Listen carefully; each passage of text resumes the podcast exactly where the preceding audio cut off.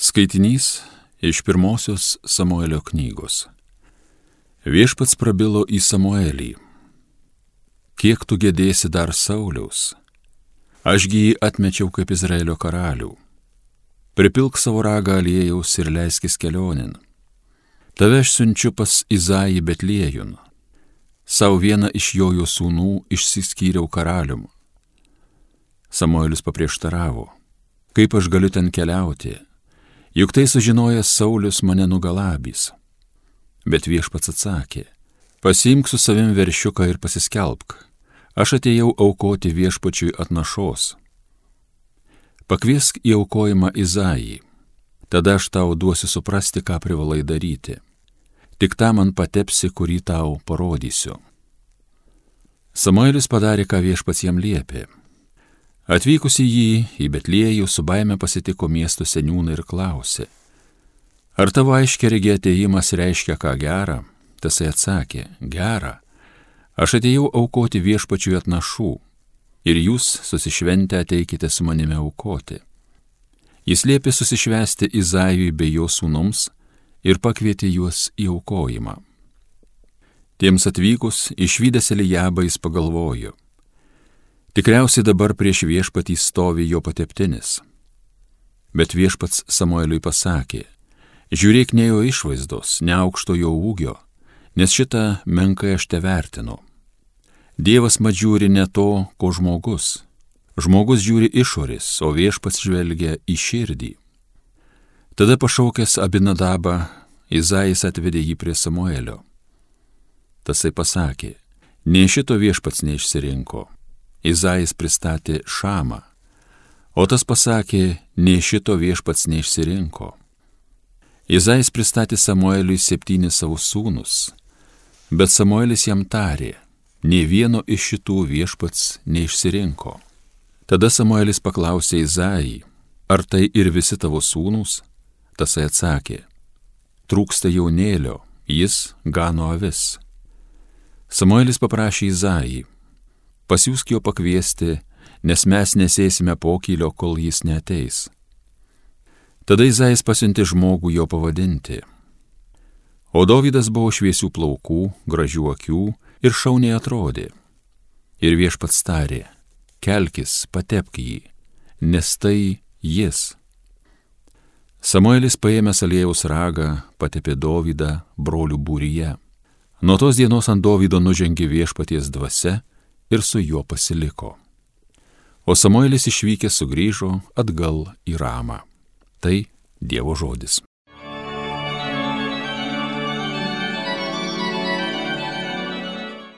Viešpats Dovydą savo tarnu pasirinko. Kita kartu viešpatie regmiai savo bičiuliams kalbėjai. Vainiką uždėjau galiūnui, išaukštinau liaudies rinktinį. Viešpats Dovydas savo tarnu pasirinko. Aš Dovydą savo pasirinktą tarną pašventinau savo šventuoju aliejum. Mano ranka visuomet su juo bus, jį stiprins mano galybė. Viešpats Dovydą savo tarnu pasirinko. Jisai man sakys, tu mano tėvas, tu mano dievas ir priebėga man išsigelbėt. Jo giminiai leisiu gyvuoti per amžius, ilgai kaip dangus stovės jojo sostas. Viešpats Dovydas savo tarnu pasirinko.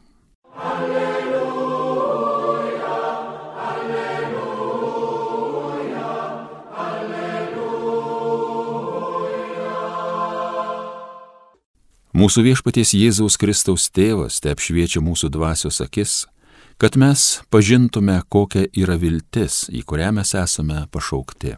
Alleluja, alleluja, alleluja. Iš Ventosios Evangelijos pagal Morkų. Anuomet šabo dieną Jėzus ėjo per javų lauką ir jo mokiniai eidami ėmė skabyti varpas. Fariziejai priekaištavo, žiūrėk, jie daro per šabą tai, kas draudžiama. Jėzus atsakė, nejau neskaitėte, ką prireikus padarė Dovydas, kai jis ir jo palydovai neturėjo maisto ir buvo išalkę, Prie vyriausiojo kunigo abietaro jie įėjo į Dievo namus ir valgė padėtiniais duonos ir davė jos valgyti savo palydovams, nors jos niekam nevalia valgyti, tik kunigams. Ir pridūrė, šabas padarytas žmogui, ne žmogus šabui, taigi žmogaus sūnus yra ir šabo viešpats.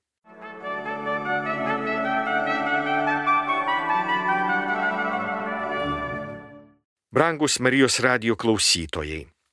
Štai tema, kurią šiandien bažnyčia kviečia apmastyti ir ką ji gali duoti mums, 21-ojo amžiaus žmonėms, juo labiau krikščionims, kurie nesilaiko šabo jau beveik 2000 metų ir, ir gyvena visiškai kitų ritmų.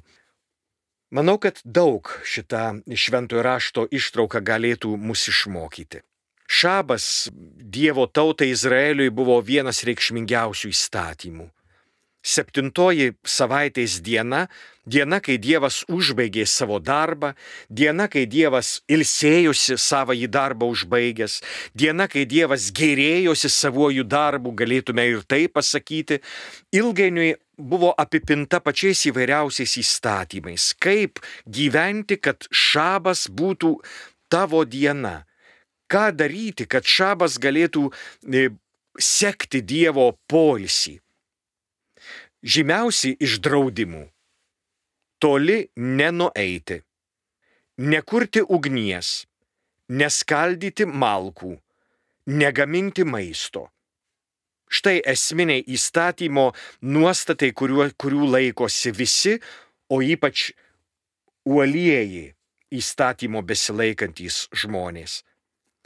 Tarp tokių daugiausia buvo fariziejai. Jų esminis dalykas įstatymo laikymasis bei sėdėjimas prie stalo draugės su kitais fariziejais ir diskutavimas apie šitos įstatymus, apie jų laikymasi, apie jų pažeidimus, apie visokius nuostatus. Atrodo, kad Jėzus taip pat buvo fariziejus ir laikėsi šito fariziejų gyvenimo stiliaus. Taigi ir laikėsi įstatymų, taigi laikėsi ir šabo. Evangelistai pasakoja apie tai, kad Jėzus šabo dieną vis lankydavosi sinagogoje, vis skaitydavo šventuosius raštus, netgi kartais juos aiškindavo. Jėzus dažnai diskutuodavo su e, įstatymo besilaikančiais ir griežtai įstatymo besilaikančiais žmonėmis. Štai šabas kurį pažeidė mokiniai. Ką čia mokiniai daro? Taigi tai, kas draudžiama daryti šabo dieną - gaminti savo maistą. Mokiniai eidami per javų lauką skynėsi varpas ir jas valgė. Buvo išalkę. Tai komentuoja ir Jėzus. Jėzus gerai pažįsta Senojo testamento pasaulį. Ir gerai pažįsta, ką vieną kartą e, Dovydas, besislapstydamas su savo kareiviais, padaro, valgo tą duoną, kurios nevalia valgyti niekam tik kunigam. Jis ir jo palydovai, jo kareiviai, jis valgo tai, kas draudžiama valgyti. Ir štai Jėzaus išvada. Šabas padarytas žmogui, ne žmogus šabui. Tai yra įstatymas dėl žmogaus, ne žmogus dėl įstatymo. Įstatymas nėra aukščiau žmogaus. Žmogus yra aukščiau įstatymo. Dar daugiau. Artimo meilė yra daugiau nei įstatymas. Artimo meilė yra visako esmė. Katalikų bažnyčios kanonų teisės kodekso paskutinysis straipsnis kanonas skamba taip - aukščiausias įstatymas sielų išgelbėjimas. Žmogaus poreikiai, žmogaus patirtys, žmogus yra aukščiau įstatymo, nes žmogus sukurtas pagal Dievo paveikslą ir į jį panašus. Įstatymai gali padėti būti panašiam į Dievą įstatymas aukščiausias įstatymas yra meilės įstatymas. Jėzus aukščiausių įstatymų pasakys, mylėk Dievą labiau už viską ir kiekvieną žmogų kaip save patį. Štai šitais dviem įstatymais remiasi visas įstatymas ir pranašai. Čia Jėzaus atsakymas į klausimus, kurie įstatymai svarbesni, kurie svarbiausi, kurių labiau reikia laikytis, kuriuos netaip svarbu laikyti, išlaikyti. Meilės įstatymas. Brangus Marijos radio klausytojai, kai apmastome šiandien štai šitą ginčą arba šitą problemą, kaip laikytis įstatymo, mes turime apmastyti, jog esame kviečiami ir labai dažnai šventoji dvasia mus kviečia padaryti gerą, atkreipti dėmesį į kitų žmonių poreikius, priimti žmonių poreikius, atliepti į, į problemas. Arba paprasčiausiai šventoji dvasia, kuri mus, mus kviečia pamatyti daugiau nei, nei tavo nosis e, rodo, kai šventoji dvasia tave kviečia rūpintis ne tik savo namų reikalais, kai šventoji dvasia kviečia rūpintis ir pasaulio reikalais, pavyzdžiui, melstis už taiką e, šventoji žemė ir e, čia Europoje, visai šalia mūsų e, Ukrainoje, kai šventoji dvasia mus ragina patiem įvairiausiam dalykam aš galiu pasiteisinti. Įstatymas reikalauja pirmiau mylėti tėvynę Lietuvą. Bet pasirūpinti kitų reikalais tai taip pat didysis Dievo įsakymas - mylėti, mylėti kiekvieną. Krikščionys nesilaiko šabo. Kartais paklausus, kodėl sekmadienį reikia švesti, mano tikintieji atsako, jog ir Dievas septintą dieną ilsėjosi po visų darbų, kuriuos buvo nuveikęs. Nesuklyskim, broliai seserys. Dievo polsio diena yra šabas. Mūsiškai šeštadienis. Štai šitą dieną žydai išgyvena kaip Dievo polsio dieną. O krikščionys savo šventę švenčia kitą dieną po šabo. Pirmąją savaitės dieną. Ir šita diena nėra, kai Dievas ilsėjosi, bet jeigu norim pasižiūrėti, ką Dievas veikia štai šitą dieną, tai jis sukūrė šviesą. Ir ta tikroji šviesa, kuri apšviečia kiekvieną žmogų, yra Kristus.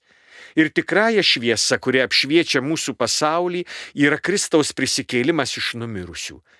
Štai šita diena, pirmoji savaitės diena, krikščioniui yra šventė. Nedirbama ne todėl, kad Dievas ilsėjosi po savo darbų, kuriuos buvo nuveikęs. Nedirbama šventės dieną todėl, kad tą dieną gyvenam kitaip nei kitas įprastas dienas. Sekmadienis mums yra pirminė pirmoji šventė. Ir šitą dieną mes gyvenam ne taip gyvendami, kaip gyvenam eilinę dieną. Reiškia, nedirbam tų pačių darbų, kuriuos esame įpratę. Mes negyvenam kasdieniškai, mes gyvenam šventiškai. Kiek pastebėjau šiemet per Kalėdų šventę, kai ketvirtasis Advento sekmadienis buvo kūčių diena, buvo pradėta didelė diskusija, reikia laikytis pasninko sekmadienį ar ne, ir aš supratau esminį dalyką. Klausdami reikia laikytis pasninko sekmadienį ar ne, mūsų krikščionys pasirodo visiškai nesuvokia, kas yra šventė. Pirmoji šventė krikščioniui yra sekmadienis. Jeigu krikščionys klausia, ar didžiausios sekmadienio šventės metu reikia laikytis pasninkų, tai jis nesuvokia, kad sekmadienis yra šventė. Šventėje nesilaikoma pasninkų ir šventė nėra atgailos nuotaikos.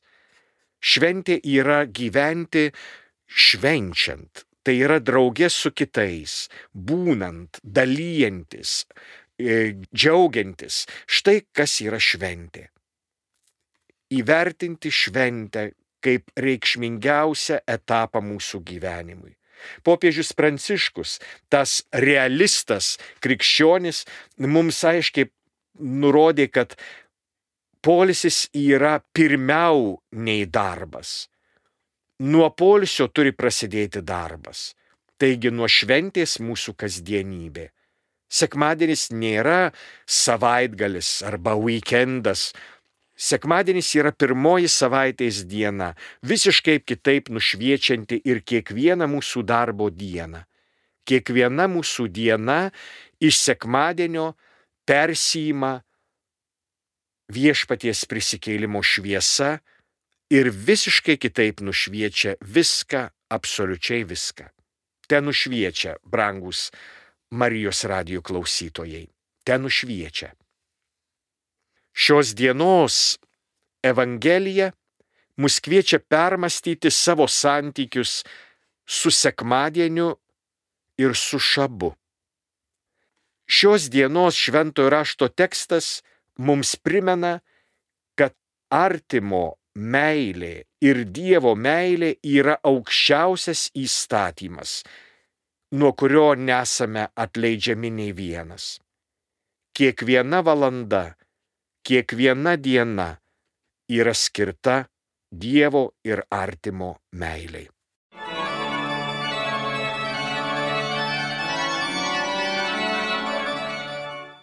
Homilija sakė kunigas Artūras Kazlauskas.